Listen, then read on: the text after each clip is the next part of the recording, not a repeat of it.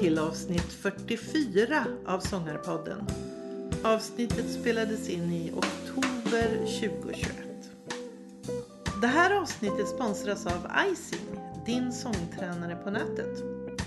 Om du är sångare, ambitiös och inte rädd för att prova på nya grejer, då ska du absolut använda Icing. Du utvecklar din röst när du själv har tid och så har du kul på samma gång. Gå till www.ising.se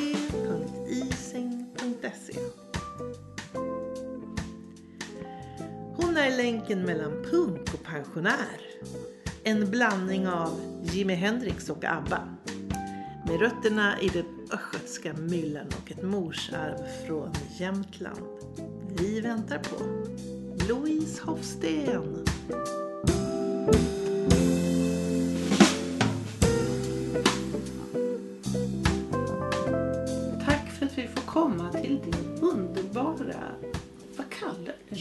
Kyrka. Din kyrka. Det är min kyrka.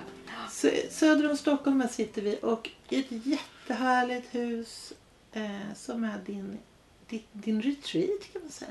Ja, man kan säga det. Eller Ja. min kyrka. Här, Ja. här får jag vara i fred om man säger. Ja.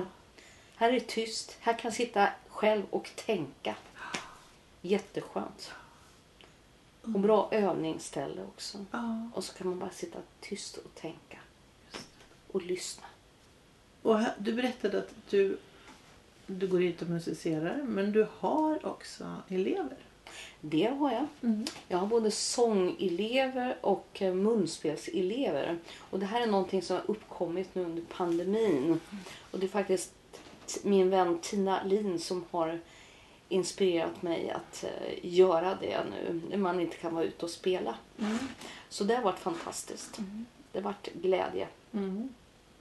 Men vad kul! Mm. Sångfröken. Sångfröken och munspelsfröken.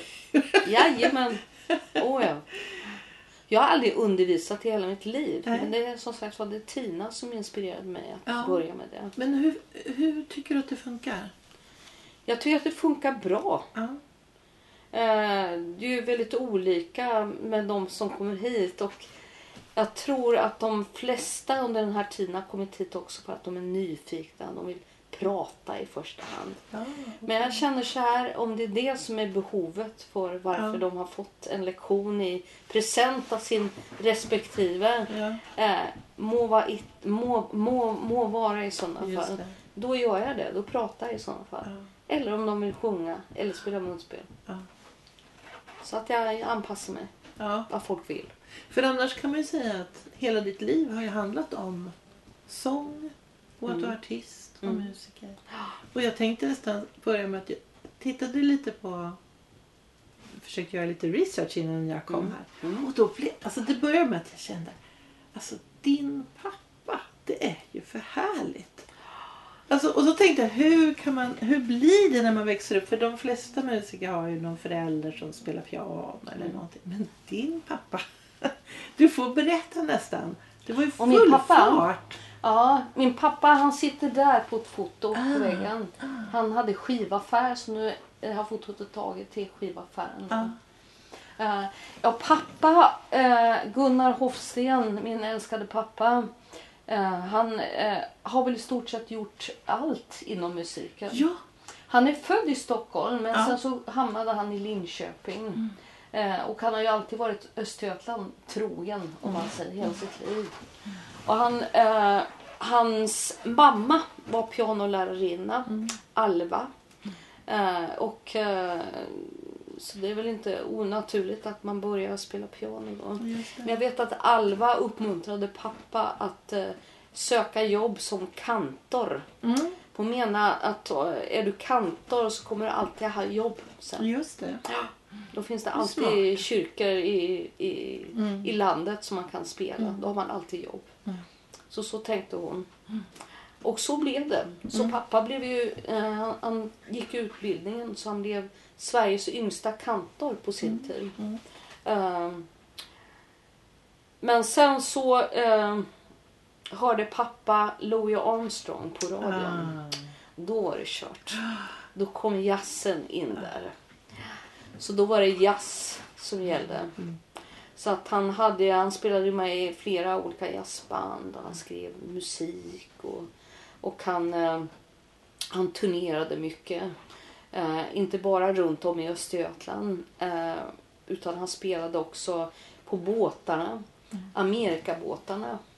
Så han... Eh, eh, men sen när han träffade min mamma så tänkte han att han skulle ha något mer lite stadigt jobb. Eh, det gick inte att turnera på samma sätt som han hade gjort förut. Då. Eh, så att då köpte han musikaffär och skivaffärer. Och så startade han nattklubb också, Lorry i Linköping. Och så skrev han också för tidningen och han, ja, han gjorde det mesta inom musik faktiskt. Det är helt... För jag tänker så här. För dig som barn i en sån familj där det inte bara är musik utan också väldigt entreprenöriellt. Alltså väldigt Mm. mycket på gång. Och in, Ja. inte bara en skivaffär utan liksom två. Två! Och så nattklubb. Och så, Ja. alltså hur... Och allt som du fick uppleva när du växte upp Ja. i detta. Ja. Jo, jag tror att eh, det här är någonting jag ser först nu Mm. när man har passerat 50 år. Kan man förstå liksom att eh, vad häftigt, vad stort det var så att säga. Men att eh, när man var mitt där, jag menar pappa jobbade ju jämt. Mm. Så jag såg ju knappt röken av honom. Så att jag tyckte inte att det var så här jättehäftigt. I och med att han var borta och jobbade och mamma jobbade jämt. Ja. Och de slet, de slet. Ja. Och vi var tre syskon. Ja. Eh, men vi, någonting vi gjorde när vi väl träffades.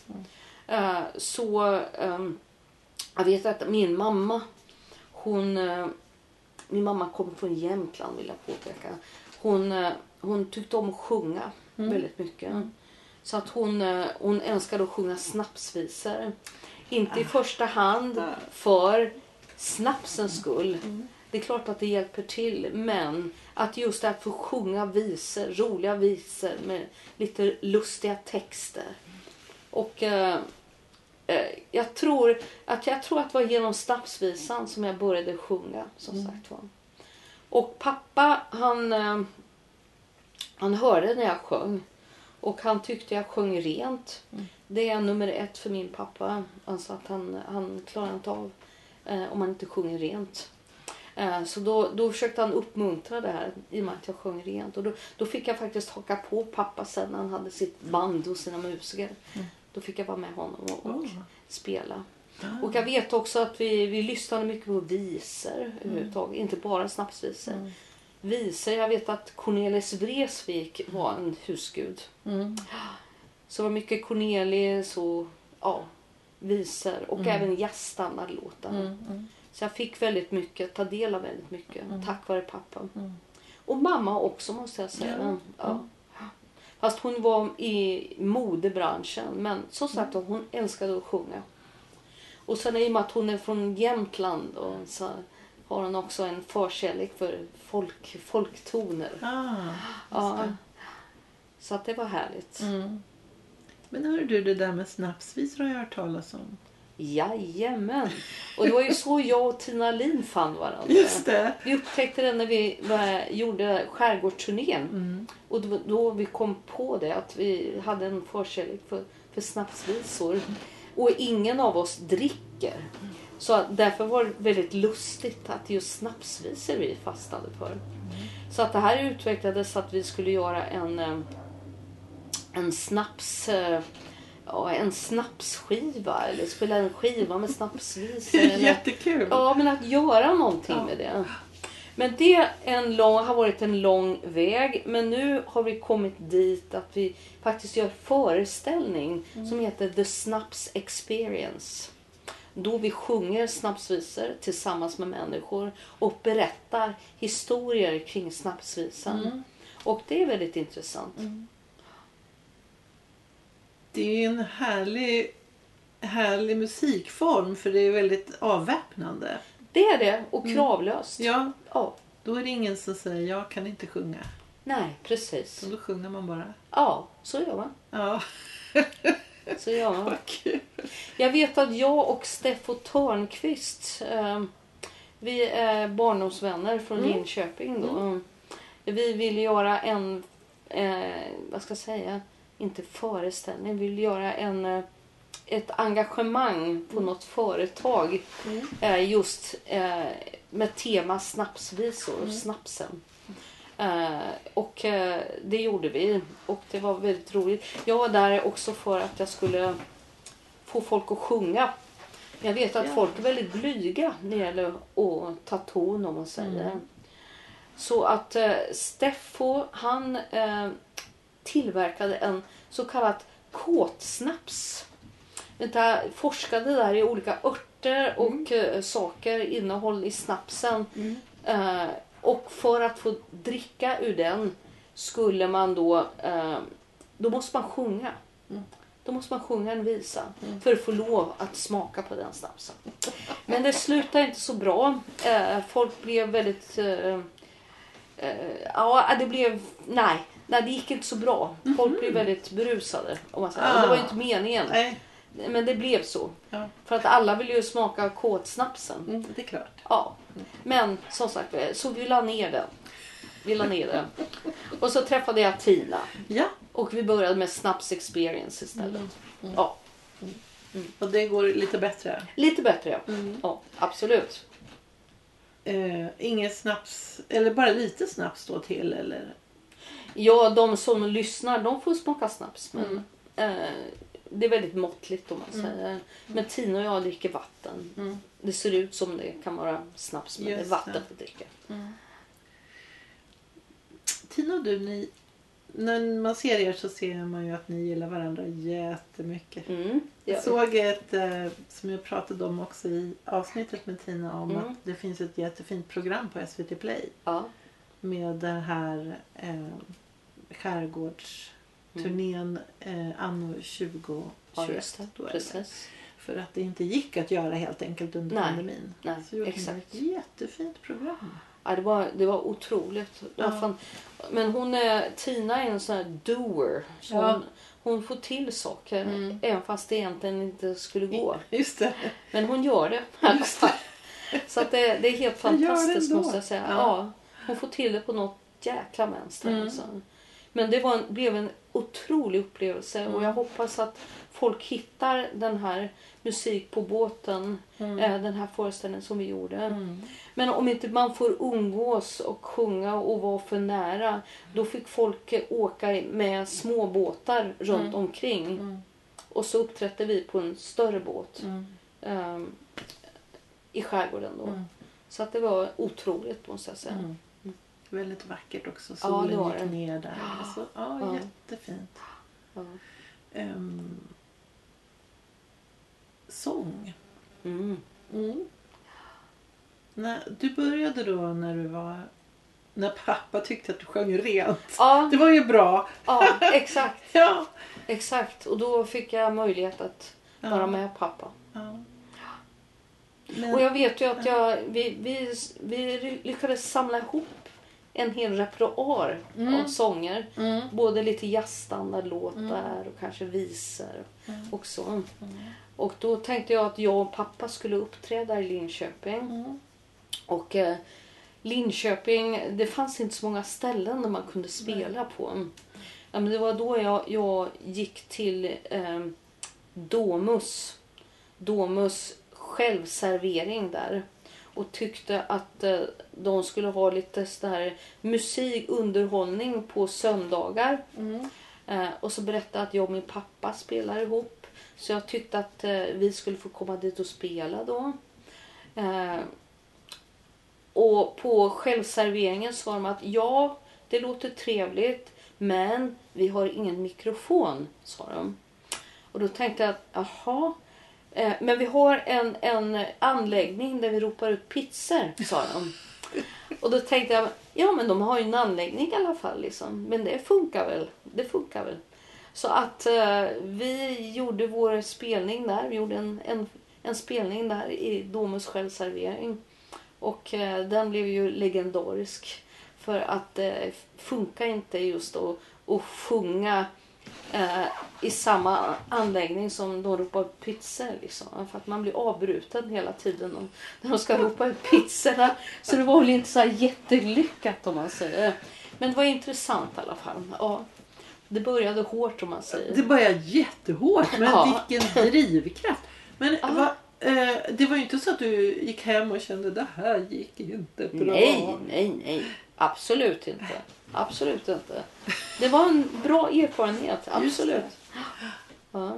Nej då, jag käm- kämpade vidare. Jag, jag hittade nästa ställe i Linköping där jag tjatade på folk. Liksom, Ja, För att jag ville komma dit och sjunga. just det. Ja. Så var bara kämpa på. Ja, och sen, och sen ja, vilken, för att annars så brukar ju vi, alltså många som sjunger prata om att det, är, det här med sång, att det känns lite känsligt och man är, det speglar ens inre, att det är lite avslöjande sådär. Men eh, du körde på bara. Ja. Så. Väldigt skönt, att- Ja. skönt att höra. ja. Ja. Och, men jag har alltid, alltid älskat att sjunga. Mm. Och du som eh, du berättade för mig här när jag satt och frågade ut dig att du forskat i ditt liv. Och då känner jag så här, det här är också ett ämne som är väldigt intressant, alltså rent forskningssynpunkt. Eh, för att det här med, nu, nu kommer jag tillbaka till snapsvisor. Mm. Vad är det som gör att man mår så bra? Är det i första hand spriten som gör att man mår bra? Eller är det just det här att man, man sjunger? Det är någonting som händer i kroppen när man sjunger. Mm. Och det där tycker jag är väldigt intressant.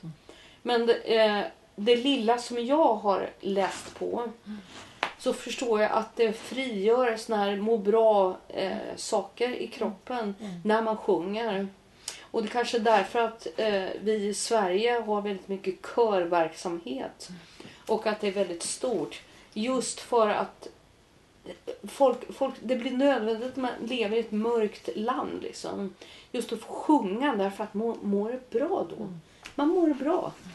Och det handlar inte om att du ska vara eh, eh super bra eller proffsig. Utan att, att sjunga och sjunga tillsammans. Det blir också något väldigt speciellt. När man blandar röster och stämmer med varandra. Mm. Det händer någonting magiskt då. Så därför tyckte jag också var fruktansvärt nu under pandemin. Ja. När allting bara stängdes ner. Mm. Och sen att körverksamheter kunde inte fortsätta. Och vi musiker, vi kunde inte jobba eller spela. Nej, det Allt var blev nedstängt. helt nedstängt. Ja. Så att det, det, ja. Jag har mått skitdåligt under den här tiden. Mm. Och många med mig. Mm. Det är klart. Rent mentalt. Mm. Sådär. När man inte får sjunga. Mm. Det, det, man mår inte bra då. Det är klart att det finns andra aspekter också. Mm. Eh, också det här med att stå på scen. Det här Mm. att synas, att höras. Mm. Att vara någon. Mm. Sådär. Men inom sången och musiken, det är inte egentligen det mest elementära. Utan det handlar ju också om det här med att, eh, att sjunga, frigöra de här hormonerna. Mm. Men också så är det naturligtvis också att eh, synas. Mm. Att vara någon. Ja, Det men klart. det är att identifiera sig som... Precis, Ja. exakt. Det är klart att den aspekten finns Ja. också. Mm. Din musikaliska resa och sångresa. Mm. Det var så här, min man sa, men åh Louise, hon har sin musikaliska område. Du började sjunga och så har du hållit kvar vid samma genre. Mm. Och då blev jag lite ställd. Jag tänker inte på dig riktigt så. Nej. Eh, vad tycker du själv? Men det här är intressant, det du säger. Ja. Ja, vad tycker jag själv? Jag frågade min storebror eh, om min publik. Mm. Eh, frågade honom om han kunde beskriva min publik. Ja. Och då sa han, eh, ja, jag tycker han har ett väldigt bra uttryck för det. Han säger att du Louise är den felande länken mellan punkare och pensionärer. det sa han. Eh, men sen så kan man också se det som att jag är folklig. Liksom. ja, just det. Och det var det jag sa till Tina också. Du känns väldigt folklig Tina. Eh, vi är folkliga du och jag sa jag till henne. Men hur som helst, jag tycker det är väldigt roligt och jag har haft en väldigt trofast publik Mm. eh, under alla år. Mm. Och det är jag väldigt glad för. Och det är verkligen den fel... Jag känner mig som den felade länken mellan punkare och pensionärer. för det är alla åldrar som kommer och, Mm, och, till mina konserter. Och det är väldigt. Jag tycker det är roligt. Ja. Jag tycker det är jättekul. Vad tänker du? Du började med din pappa där och var lite jazz och lite sånt där. Sen när du drog igång solokarriären. Ja, det är klart att eh, jag vill på något sätt hitta mitt eget, eller Mm. mitt eget val om man säger. Så att eh, jag tjatade på klasskamrat när jag gick i, i skolan och klasskamrat som var punkare var han. Och han spelade med ett band som hette Mer, hette Mer kött. Och jag tänkte att wow, det verkar cool liksom. Eh, så jag tjatade på att jag ville spela trummor med bandet. Mm. Eh, och det fick jag en spelning. Men sen så tyckte de i bandet att jag skulle gå fram till sångmikrofonen istället. Mhm. Så jag ställde mig där och började waila i 180. Eh, och sen, sen var det en annan kille som hörde mitt wailande där och kom fram efteråt och sa att ah, men vi är ett band här och, och vi behöver en sångerska. Eh, kan du inte vara med oss? Liksom. Ha, då hakar jag på det då.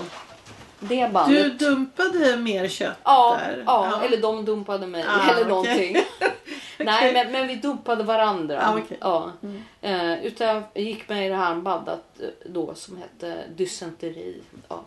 Så det var fint. Hur som helst, jag ville sjunga Mm. Och jag ville stå på scen. Ja. Så scenen, eh, scenrummet var nog mer lika, lika frestande som Ja. just det här med sången. Mm. Jag hade ju tänkt att bli trummis från början men det, det gick ju inte så bra. Hur som helst. Jag sålde trummorna till brorsan istället. Mm. Gick det bättre för honom då? Ja, oh ja. Han Mm. spelar jättebra. Han spelar med i band. Massa band i Linköping. Mm. Mm. Kul. Så det går jättebra för honom. Mm. Mm. Men punk alltså? Ja, egentligen är det inte punk som musik sådär. Nej. Utan punk för mig, jag tycker om energin. Ja. Tycker jag om. ja. Musikaliskt tycker jag inte om det. Men energin gillar jag. Och jag vet inte. Pappa hade ju skivaffärer så jag hade ju mycket tillgång till olika sorters musik där. Eh, Så jag älskar att gå till skivaffärerna efter, efter jag varit i skolan Mm. och lyssna. På den tiden fick man ju lyssna på musik. De spelade skivor, man fick lurar. Och det, så är det ju inte idag. Så det är en jättesorg att det inte finns några skivaffärer nu knappt Mm. kvar. Mm. Det tycker jag är en jättesorg. Men jag Ja. jobbar ju extra på skivaffärerna eh, på somrarna och vinterloven. Och fick, eh, hade möjlighet alltid att lyssna på mycket musik. Ja. Men jag vet att min eh, bror, storebror som också jobbade extra i skivaffären. Mm. Han kommer ju från den tidseran då Jimi Hendrix och Mm. eh, mycket cool musik, så här 70-60-talsmusik. Eh, så då fick, jag, då fick jag mycket inspiration av den musiken som han hade eh, spelade på sin stereo. Mm. Eh, och jag kom i kontakt just med eh, Jimi Hendrix och, och eh, John Lee Hooker och mycket så här blues eh, eh. Men jag tyckte, var är tanterna i den här musiken? Och sen så kom jag i kontakt med Big Mama Thornton. Just det, den, en tant, en blues-tant. Och så Janis Joplin. Mm. Som jag blev bara wow. Mm. Eh, wow, vilken röst, vilken kvinna. Och jag kände, jag, jag hittade ändå eh, damer inom bluesen också. Men jag visste det var mycket gubbar. Men ärligt talat, jag tänkte inte så mycket på vilket kön musikerna hade om jag ska vara riktigt ärlig. Och nu under- våran, den här tiden och metoo och eh, jag tänkte inte på det. Musik var musik för mig. Mm. Så det var inte så viktigt. Mm. Så från punken då? Hur gick du vidare? Ja, jag gick vidare så att jag gjorde ett eh, tv-debut på Café Norrköping där min pappa var kapellmästare. Och då hade tv hört talas om att pappa hade en dotter som sjöng. Vad de inte visste var vilka typer av band jag sjöng med då. Eh, spelar ingen roll. Jag fick möjlighet att sjunga med pappa. Eh, och eh, det var väl mitt första framträdande. Och i och med det. Hur gammal fick, var du då? då var jag 18 år. Ja. Och i och med att jag eh, fick göra min tv-debut Ja. debut där i Café Norrköping så så blev det att det, jag kom i kontakt med en, eh, en, en man som hade ett skivbolag Mm. som hade kontaktat mig och ville absolut göra någonting med mig. Eh, Så vi hade mycket diskussioner under väldigt lång tid eh, vad det är jag vill göra på skiva. Eh, och sen, men jag kände eh, instinktivt att jag inte ville... Eh, jag ville helst spela med ett band. Mm. Jag vill inte spela med, med studiomusiker som är bara där för att eh, spela in med mig. Utan jag vill ha ett band. Så därför tyckte det bästa bandet då tyckte jag var ett band från Skåne som heter Wilmer X. Och eh, det nämnde jag för eh, den här skivbolagskillen. Eh, så att han tog kontakt med dem. Så jag gjorde min första skiva. Så jag spelade in min första skiva som fick namnet Genom eld och vatten. Mm. Wow. Mm, ja. Du är kvinnan som vet vad hon vill. Ja, inte nu kan jag säga. Ibland kanske Du vet var kvinnan som Ja, jag var det. Ja, men ibland vet jag vad jag vill. Men Ja. ibland vet, är jag ganska förvirrad. Sådär. Ja. Ja. Ja. Men så var det. Men jag är väldigt glad för att jag fick göra min debut där. Mm. Och det här var också under en tid eh, där det inte var så många kvinnliga musiker. Eh, och det var... Jag ska säga, ja, det var en helt annan tid än vad det är idag. Helt annorlunda om man säger. Och då, eh, då behövde man inte slå igenom med en gång. Men nu i den här tiden vi lever och i idoltider Mm, och allt vad det är helt andra förutsättningar. Nu fick jag möjlighet i lugn och ro att utvecklas som musiker. Och det är jag väldigt glad för. Idag får inte folk det. Då fick man det. Mm. Nej men eh, jag tänkte på um, det här med hålla kvar i en genre eller inte. För jag tänker att... Jag, vet, för jag lyssnade lite på det sen, din senaste. Mm. Eh, som ju är mer americana. Och sen tänker jag på den här tidigare skivor som kan vara mer pop, pop, alltså rock. Mm. Poppig rock eller vad Precis, man ska säga. exakt. Så, Mm. tänker Som någon beskrev det, en blandning mellan Jimi Hendrix och ABBA. Just det! Ja. läste jag. Ja. Just det. Det är också väldigt kul. Ja, men jag tycker det är en bra beskrivning. Det, ja, faktiskt. Mm. För att det är ju också mycket energi. Mm, Precis som punken. Mycket energi. exakt. Eh, men också lite tillvänt sådär. Att det, det, melodier man gillar och, Mm, och eh, ja, mm, kul. mm. Och sen har det ju blivit mycket blues för dig. Ja, alltså jag är inte någon renodlad bluessångerska. Nej. Jag kallar mig själv för sångerska. Mm. Eh, men förkärlek, förkärlek för blåtoner. Mm. Eller jag vet inte om det är en ursäkt för att det inte ska låta för perfekt. Mm. Om man säger. Det är inte det som är min strävan så att Mm. säga.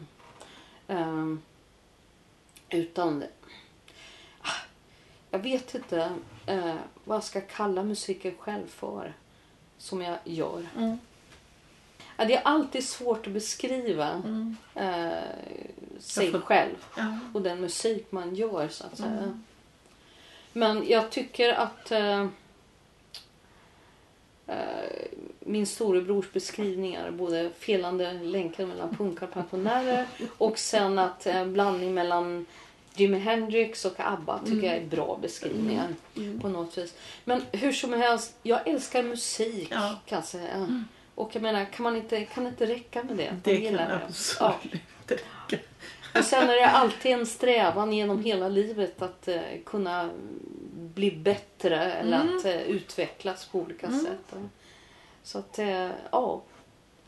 Jag gjorde faktiskt en grej. Eh, ja, inte för så länge sedan, det för ett par år sedan innan pandemin började. Mm. Så hade jag en dröm om att eh, det här sjunga opera. Ja, och det... Eh, jag kom i kontakt med en amerikansk sångare från Texas eh, som undervisade. Han var pedagog, sångpedagog.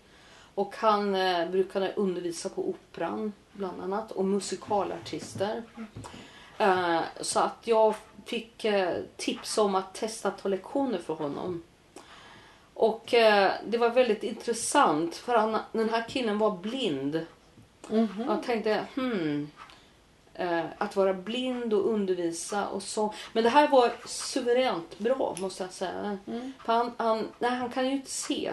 Men han hör ju. Mm. Med, med öronen kan han höra precis då. Mm. Och undervisa. Eh, men det där var väldigt eh, intressant möte måste jag säga. Eh, men vi spelade in det vi gjorde. Mm. Och till att börja med, jag kommer ihåg första mötet med honom så sa jag att jag vet inte ens vad jag är nu. Liksom, är jag sopran eller är jag allt eller vad är jag för någonting? Så att vi började med att testa eh, vad jag var för någonting. Och eh, då kom vi fram till att eh, jag var, jag hade en röst som var, nej, inte sopran, vad heter de som sjunger lite högre än sopran? Um, vad heter det? heter fråga. någonting. Ja, och hon som sjunger i eh, Trollflöjten, Nattens drottning. De heter ju sopraner fast de Nej, heter... men vad, det heter någonting, mm, mm, sopran. Ja, det finns ju så här lyriska sopraner. Ja, det här är inte lyriskt. Ja, kanske det. Sen Ja. att du kan sjunga lite högre, så här Ja. extremt högt. Men att eh, han testade att jag, jag ligger där. Men sen när jag lyssnade på inspelningarna, när jag gjorde vissa sång, sånger eh, som, som eh, jag skulle göra som övning då. Mm. Så kände jag bara, eh, nej, jag tycker inte det här är kul. Mm. Jag är ingen operasångerska. Mm. Jag är inte det. Så det var intressant att komma fram till det ändå. Mm. Och då också de här frågeställningarna. Vad vill jag sjunga? Vad vill min röst göra? Vad? Ska man pressa rösten extremt mycket för att komma upp på de här jättehöga tonerna? Och vad vill man där? Då kommer man in på en annan fråga. Är det på ett sätt då för de som bevisa att man kan sjunga högt? För så tänkte jag mycket i början på min rockkarriär. Mm. För då pressar ju rösten extremt högt alltid. Mm. Eh, och sen så vet jag inte om det har med eh, att jag eh, inte orkade pressa rumpan tillräckligt för att komma upp på de här höga tonerna. Mm. Man blir lite ah, eh, latare med åren om man säger. äh, jag vet inte men det är intressanta tankar. Mm. Igen, vad vill jag? Vad vill jag göra? Mm. Vad vill jag ha min röst till? Vad ska jag använda den till? Nej, inte sjunga opera. Det var ett kul, intressant äventyr. Nej, jag är ingen operasångerska. Men du hade den drömmen ändå innan? Ja, jag hade en sån tanke. Ja. Ja. Det var lite, inte vad man hade... Den vanliga Louise Hofsten. Ja. Nej, kanske inte det konkret, att bli operasångerska. Nej. Det var väl inte så jätte... Nej. Konkret, men jag var nyfiken Mm, mm. att kunna, Just, kunna sjunga så. just det. Eh, Men, att, eh, men ändå komma fram till det att nej, nej, jag vill inte det här. Jag tycker inte om det här. Och det här är inte, min röst och min själ vill inte det här. Så därför när jag lyssnade på inspelningen, jag tyckte det lät för jävligt. sagt. Det är så bara, nej, jag ska inte satsa på det här. Nej, jag ska fortsätta harva där jag varit. Mm. Det var ett intressant möte, men nej. Just det. Du har provat i alla fall. Ja, det har jag. Det kan jag säga. Sen kan man ju tänka att det är klart att det inte låter fantastiskt från början. Man måste Eller nog... för jävligt till och med. Det kanske är vad man får förvänta sig. Jag vet inte. Ja. Jag ska testa. Vad jag tycker ju det här med, med som sagt var röst är väldigt intressant. Mm. som sagt var. Och sådana här upptäckter, upptäckter Mm. man har gjort då. Bara känna att nej, jag är ingen operasångerska. Det är Mm. inte det som är min strävan. Mm. Vad är jag? Vad vill jag sjunga för någonting? Mm. Vad ska jag använda rösten till? Just det. Och, och då kokar det ner till... Nej, jag är kvar på ruta ett. Ja. Jag harvar vidare liksom. Det är snapsvisorna. Ja, det är snapsvisorna, Mm. det är visorna, det är Just det. eh, ja, lite bl- blå toner så att säga. Mm. Att jag har en förkärlek för det. Mm. Mm. Och berättandet kanske. Ja. Mm. Eh, de här eleverna som kommer hit då. Mm. Vad, vad, för, vad gör de? Vad, vilka genrer kommer de, sjunger de i? Ehm, hmm. Jag försöker ju eh, forska lite vad de vill göra. Just det. Ehm, och, eh, men framför allt känner jag att vad jag kan göra Ja. eh, det är också att uppmuntra. Att få dem också känna mer självförtroende. Mm. Eh, och lära sig. För jag vet ju själv när jag började sjunga. Jag tyckte inte om min röst från början. Och jag har märkt att det är många som inte gör det. Eh, så att det är väl det också min främsta grej. Att jag vill uppmuntra dem och få dem att tycka om sin röst. När vi sjunger tillsammans. Det tycker jag är det viktigaste. Men det här var faktiskt en, en måste jag ge en eloge, eloge till min en sångcoach som jag hade. Hon är tyvärr död nu. Gick bort alldeles för ung. Och hon, eh, jag kom till henne efter att jag hade fått min diagnos MS. Och jag kände att eh, jag, jag kunde inte sjunga längre. Eh, så att hon fick mig att lära mig bli sams med min egen röst. Mm. Mm. Vad härligt. Men hur Ja. gjorde hon då? Ja, hur gjorde hon? Hon... Eh... Men också att, sjunga naturligt. Mm. Hitta den naturliga rösten. Mm. Att sjunga med den och bli sams med den. Mm. Också bli sams och inte behöva konstla till det. Mm. Eller härma andra sångare och sångerskor och musikgenrer som... Jag, jag skulle vara mig själv Mm. i stort sett. Så det var väl det hon plockade fram. Vad härligt. Att, att vara sig själv du, duger gott och väl. Mm. Men hon lärde mig också någonting väldigt spännande. Eh, som du också måste ha hört talas om. Det här med röstma- tungmassage. Nix pix, nu får du berätta. Men herregud! Men herregud. Här ser du en liten handduk, Ja. en minihandduk. Mm. Den här använder jag när jag gör tungmassage. Eh, jag kan tipsa om också eh, folk kan eh, gå in på, jag tror Youtube man kan gå in på Mm. och se när hon, Sanna Hultén heter hon, Mm. när hon pratar om tungmassage. Och det här verkar lite läskigt. Men det här är någonting som hon gjorde på mig och det var konstigt. Man säger man har handduken och sen så tar man tungan och så gör man massage här. Och man drar i tungan. Nu är det här eh, radio här nu, eller podd, så jag kan inte Man kan visa. inte se. Nej, men man kan, man, man kan ma- massera tungan. Men tog hon tag i din tunga Ja, med? hon tog tag i tungan Ja. och masserade den. Så. Och man kan hitta det på Youtube som Ja. sagt var. Ja. Men det där är intressant för det där också...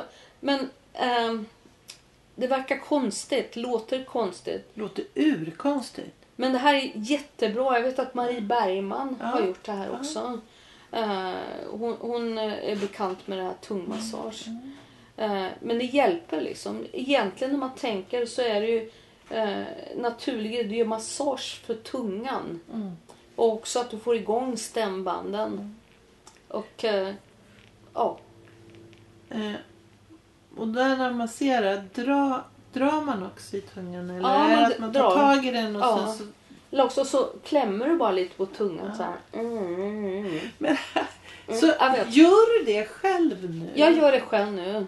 Men hur- hon är borta nu och hon Ja, har somnat. Ja. Men att jag gör det själv. Och jag är tacksam för de, eh, den undervisning som jag fick av henne. Mm. Och det här, lära sig att acceptera sin egen röst. Mm. Tycka om sig själv, tycka om sin röst. Och tungmassage, det har varit räddningen för mig. Men berätta då. effekten av den här tungmassagen om du gör den? Vad, hur, vad händer? Ja, men vad händer med en idrottare innan de ska springa maraton? Eh, eller göra något, eh, något sånt här, eh, gymnastiskt sak. Då måste man ju värma upp. Så det här är i stort sett en uppvärmning kan man säga. Mm, så du gör den innan du ska Ja. Inte under tiden, det är innan. Det är en slags uppvärmning. Om jag ska förklara Ja, enkelt. just. Uppvärmning Ja. innan man ska sjunga. Ja. Och det här hjälper dig som sångare. Men åh vad spännande. Ja. Och det är viktigt liksom. Ja, men rösten ska ju hålla hela livet. Mm. Det här är inget som du kan byta ut liksom. Som Nej. strängar, gitarrister kan byta ut strängar när de går Just det. sönder. Tungan, det, du har samma tunga, samma röst hela livet. Och då måste du ta hand om den. Mm. Och massera tungan innan du ska uppträda. Vad spännande. Ja. Jag ska verkligen uh, Gör kolla det. in det här. Tips, kolla med Marie Bergman också. Ja, Hon har väldigt bra koll när det gäller det. ja. Men det har jag förstått. Mm. Så hon, henne vill jag jättegärna prata med. Prata med henne. Också vilka andra spännande saker som hon gör Ja, med toning och... Toning, ja, Ja. precis. Mm. För jag, jag gick på, jag frågade Marie Bergman om jag fick komma till henne och bara vara en liten eh, eh, flu, fluga i hennes, vad säger man, space där hon är bara. Bara för att observera när Mm. Hon jobbar med det här med toning och det. Så jag har fått vara med henne också när hon Mm. jobbar. Eh, så det är jag jätteglad för. Mm. Men jag tycker att hon, hon besitter mycket kunskap, Marie. Mycket kunskap har hon. Och i och med att hon sjöng ju sönder sin röst. Mhm. Och jag tror ju att det är många sångare också som förstör sin röst. Eh, Men att idag när hon sjunger, hon sjunger ju bättre än någonsin. Mm. Hon sjunger bättre än någonsin. Eh, Men hur som helst, det här med uppvärmning, så sagt av tuggmassage, är faktiskt väldigt bra. Det var så, jag var så överraskad att någon annan kan ta. Man, rent instinktivt så tänker man? Rör, rör inte min tunga. Ja, ja, jag förstår det. Men om du bara ger dig själv lite Mm, tid. Det skulle man kunna tänka sig med någon annan. Men, men Ja. eh, det är väl klart att...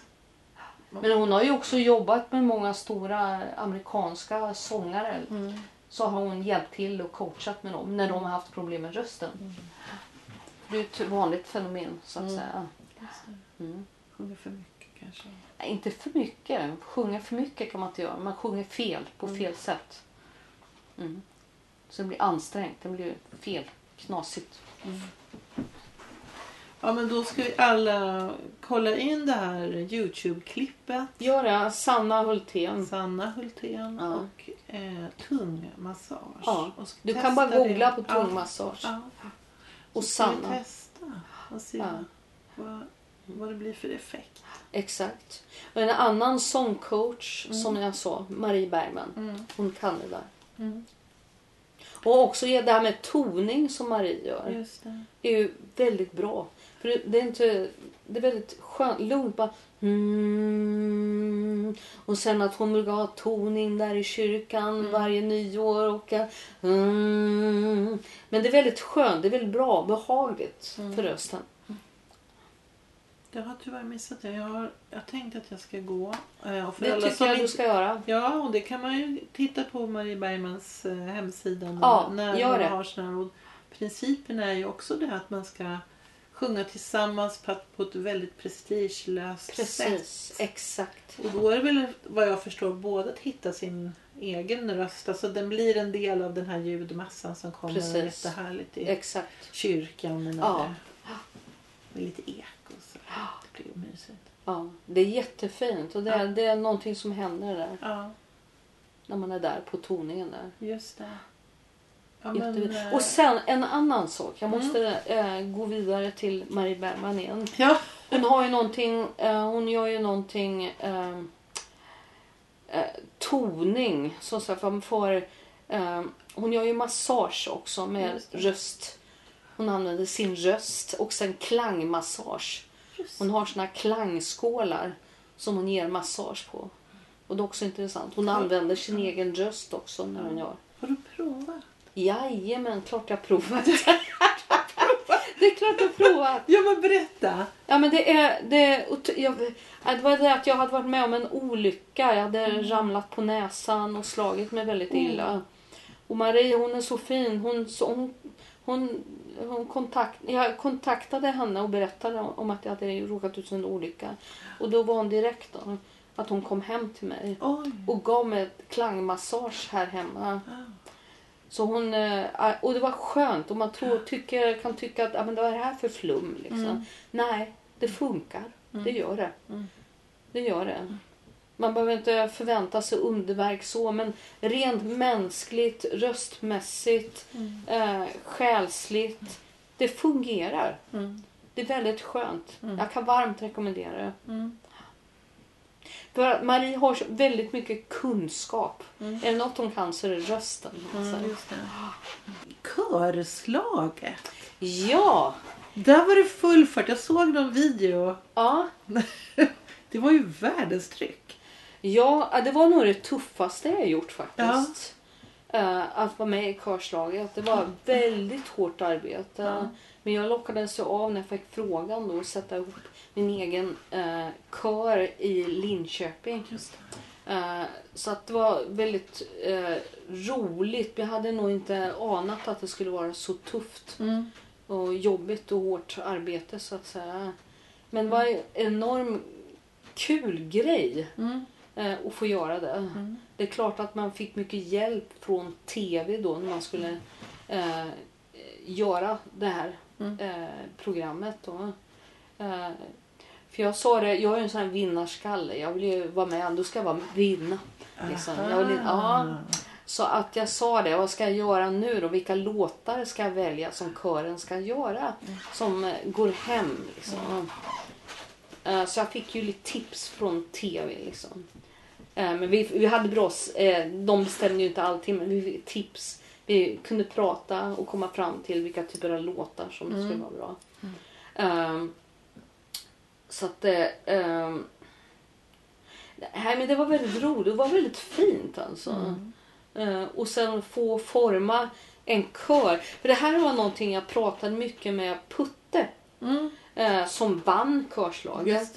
Men han var ju körledare redan. Just det. Han hade väl gospelkörer.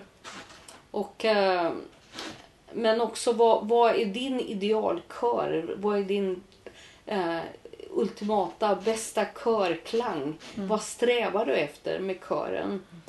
Eh, han hade ett helt annat tank. Han, han sökte mer efter perfektion. Mhm. Eh, och eh, det är där vi, vi tyckte olika. För jag tycker det blir tråkigt då. Mm. Om det är det man söker, perfektion. Så att när jag satte ihop min kör så vill jag också inte bara hitta de här ultimata klangerna utan jag vill hitta något som skaver lite i kören Mm. också. Mm. Eh, och det tyckte jag jag fick till. Mm. Och jag tyckte, i och för sig Putte erkände ändå efter att han hade vunnit att ah, egentligen så var er kör bättre. Tyckte han. Tack Putte, tack! När han sa det, han var tvungen att erkänna det. Ja. Så det var fint. Det var stort av honom att göra det. Det var bra. Ja. Men det är lite kul sådär. Vad Ja. strävar man efter liksom? Han vill ha perfektion, jag vill ha något som skaver. Ja. Men det är ju det där med musik och vad, vad tycker man om? Det är, ju, Mm. det är ju så individuellt. Ja. Och sen tycker jag att man, jag kan njuta av det som har perfektion. Mm. Och så kan jag njuta av det som skaver och njuta av det som är riktigt ruft också. ja, det ena behöver inte liksom förklara det andra. Nej. Man kan njuta av både och. Ja, men Tycka om både och. Ja, men precis. Mm. Nej men jag tänkte, det har kommit lite grann på sista tiden, jag vet inte varför, men mycket om Alice Babs Ja. på Facebook har det kommit Ja. så här. Och då tänker jag så här, hon fick ju mycket skäll av massa olika anledningar under sitt liv. Lyckligtvis så gill, älskade ju eh, hennes alltså amerikanska jazzmusiker henne. Så att Mm. hon kunde ju få deras beröm. Precis. Eh, Men att hemma här inte duga fast Ja. man är en av världens bästa sångerskor då. Ja, precis. Det var ju lite, det är alltid något som är fel. Liksom. Men det där lever man ju alltid med. Alla som tycker till höger och vänster. Så att det där får man hitta ett skydd för också. Ja, sorti- sila snacket så att säga. Just det. Mm. Och så ler du lite sådär. Ja. ja, ja. Ja. Absolut. Absolut. Men det måste ju ha blivit värre genom åren med det här sociala... Ja, Eh, visst. Äh, grejen är att jag tycker att det där har alltså sociala medier Mm. och allt det som händer nu. Jag tycker det är mycket som har förstört. Liksom. ja. Jag själv har kommit dit. Jag, jag tappar lusten. Mm. Jag frågar liksom, ska jag fortsätta med det här? Är det så? Ja, faktiskt. Så Mm. gör jag. Mm. Jag tycker inte det är lika kul längre. Det Är det lika sant? roligt. Vad Ja, tråkigt. så det är inte lika roligt längre. Men hur ska man göra då? Ja, bra, det är en bra fråga. Hur ska man göra då? Hur ska man hitta lusten igen? Så att jag vet inte om det har med ålder att göra eller vad det är eller vad, hur världen, saker och ting ser ut nu. Mm. Så att säga. Men som sagt var, eh, Tina och jag gör allt för att hitta lusten igen. Sen Ja, vad starta en föreställning heter Snaps Experience. Ja. Det är ett sätt också. Just När det. man bara typ blir, tappar lusten för allting. Ja. Då får man sjunga snapsvisor. Vi gör det för att det är roligt. Mm. Att skratta. Mm. Att inte att ta det på så dödligt allvar. allting, Just det. liksom. Att Det är våga göra det. Jättebra. Som att gå till eh, Domus självservering och tjata sig till ett gig där. Ja, det var det bästa man jag kanske- har hört. finns Ja. ingen micka men vi kan ta den Ja, här. så precis, exakt. Det är det bästa Ja, men- jag har hört. Ja, men det kanske är dit man ska gå. Man får gå Just det. tillbaka dit. Just Gå det. till Domus självservering. Just det. Absolut. Det har ju mick här har jag hört. Jajamän! Kör! Kör! Absolut. Absolut. Jättekul. Mm. Ja, vilken grej. Ja. Åh. Men när du tänk, eh, bortom nu då? Är det fler, har du fler idéer vad du tänker här nu då framöver? Eh, Snaps experience? ja. Finns det flera planer? här? Ja, det gör det. Ja. Eh, Tina uppmuntrade mig att söka ett arbetsstipendium Mm. som jag sen fick också. eh, för att spela in en ny skiva. Ja. Alltså en ny skiva kommer i slutet av året. Mm. Jag släppte en singel än så länge. Det kommer några singlar till under hösten. Mm. Och så kommer en hel LP. Fullängds-LP sen. ja, vad Mm. Ja, det är kul. Ja. Och det jag kände att när jag... Eh, och den skivan kom ju till eh, på ett annat sätt än vad jag, Mm. hur jag jobbat förut. Mm. I och med att man måste ha avstånds och distans och allt det där. Mm. Så nu har jag jobbat med en producent som bor nere i eh, eh, Blekinge. Mhm. Som har en liten studio där. Mm. Då har jag samarbetat med honom. Eh, så vi har gjort nya låtar. Tio låtar till en platta. Då. Eh, så vi har suttit via Facetime och Ja. via telefonen då, Mm. och jobbat. Mm. Eh, det har varit lite knasigt. För, för mig, jag, jag tänker att man ska ses. Men Ja. nu har man inte kunnat göra det. Då får man hitta andra sätt Ja, att göra på. Men det blev en skiva. Ja. Jag har en skiva Wow. som ligger i startgroparna Ja. som sagt va. Ja. Och jag har släppt en, en ny singel som heter eh, eh, eh, Hjälp. I know a place. Place called Memphis. Memphis. Ja, Mm. I know a place called Memphis.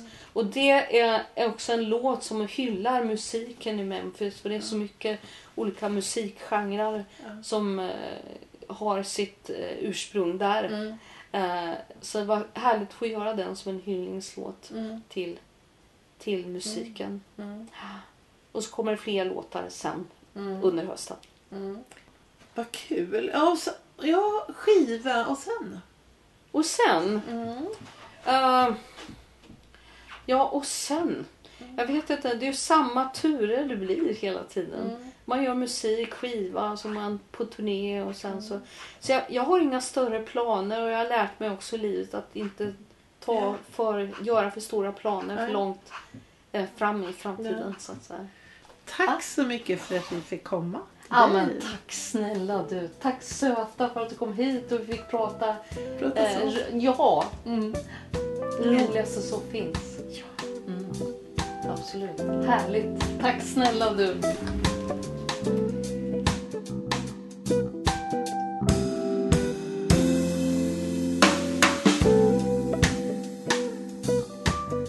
Du har lyssnat på Sångarpodden och vill du ha mer information eller få länkar till artister med mera så gå då till vår egen webbplats www.sangarpodden.se Du som är sångare och tycker att det är svårt att hålla igång din sångröst. Kolla in Icing, din sångtränare på nätet. Gå in på www.icing.se ising.se så får du veta mera. Vi hörs!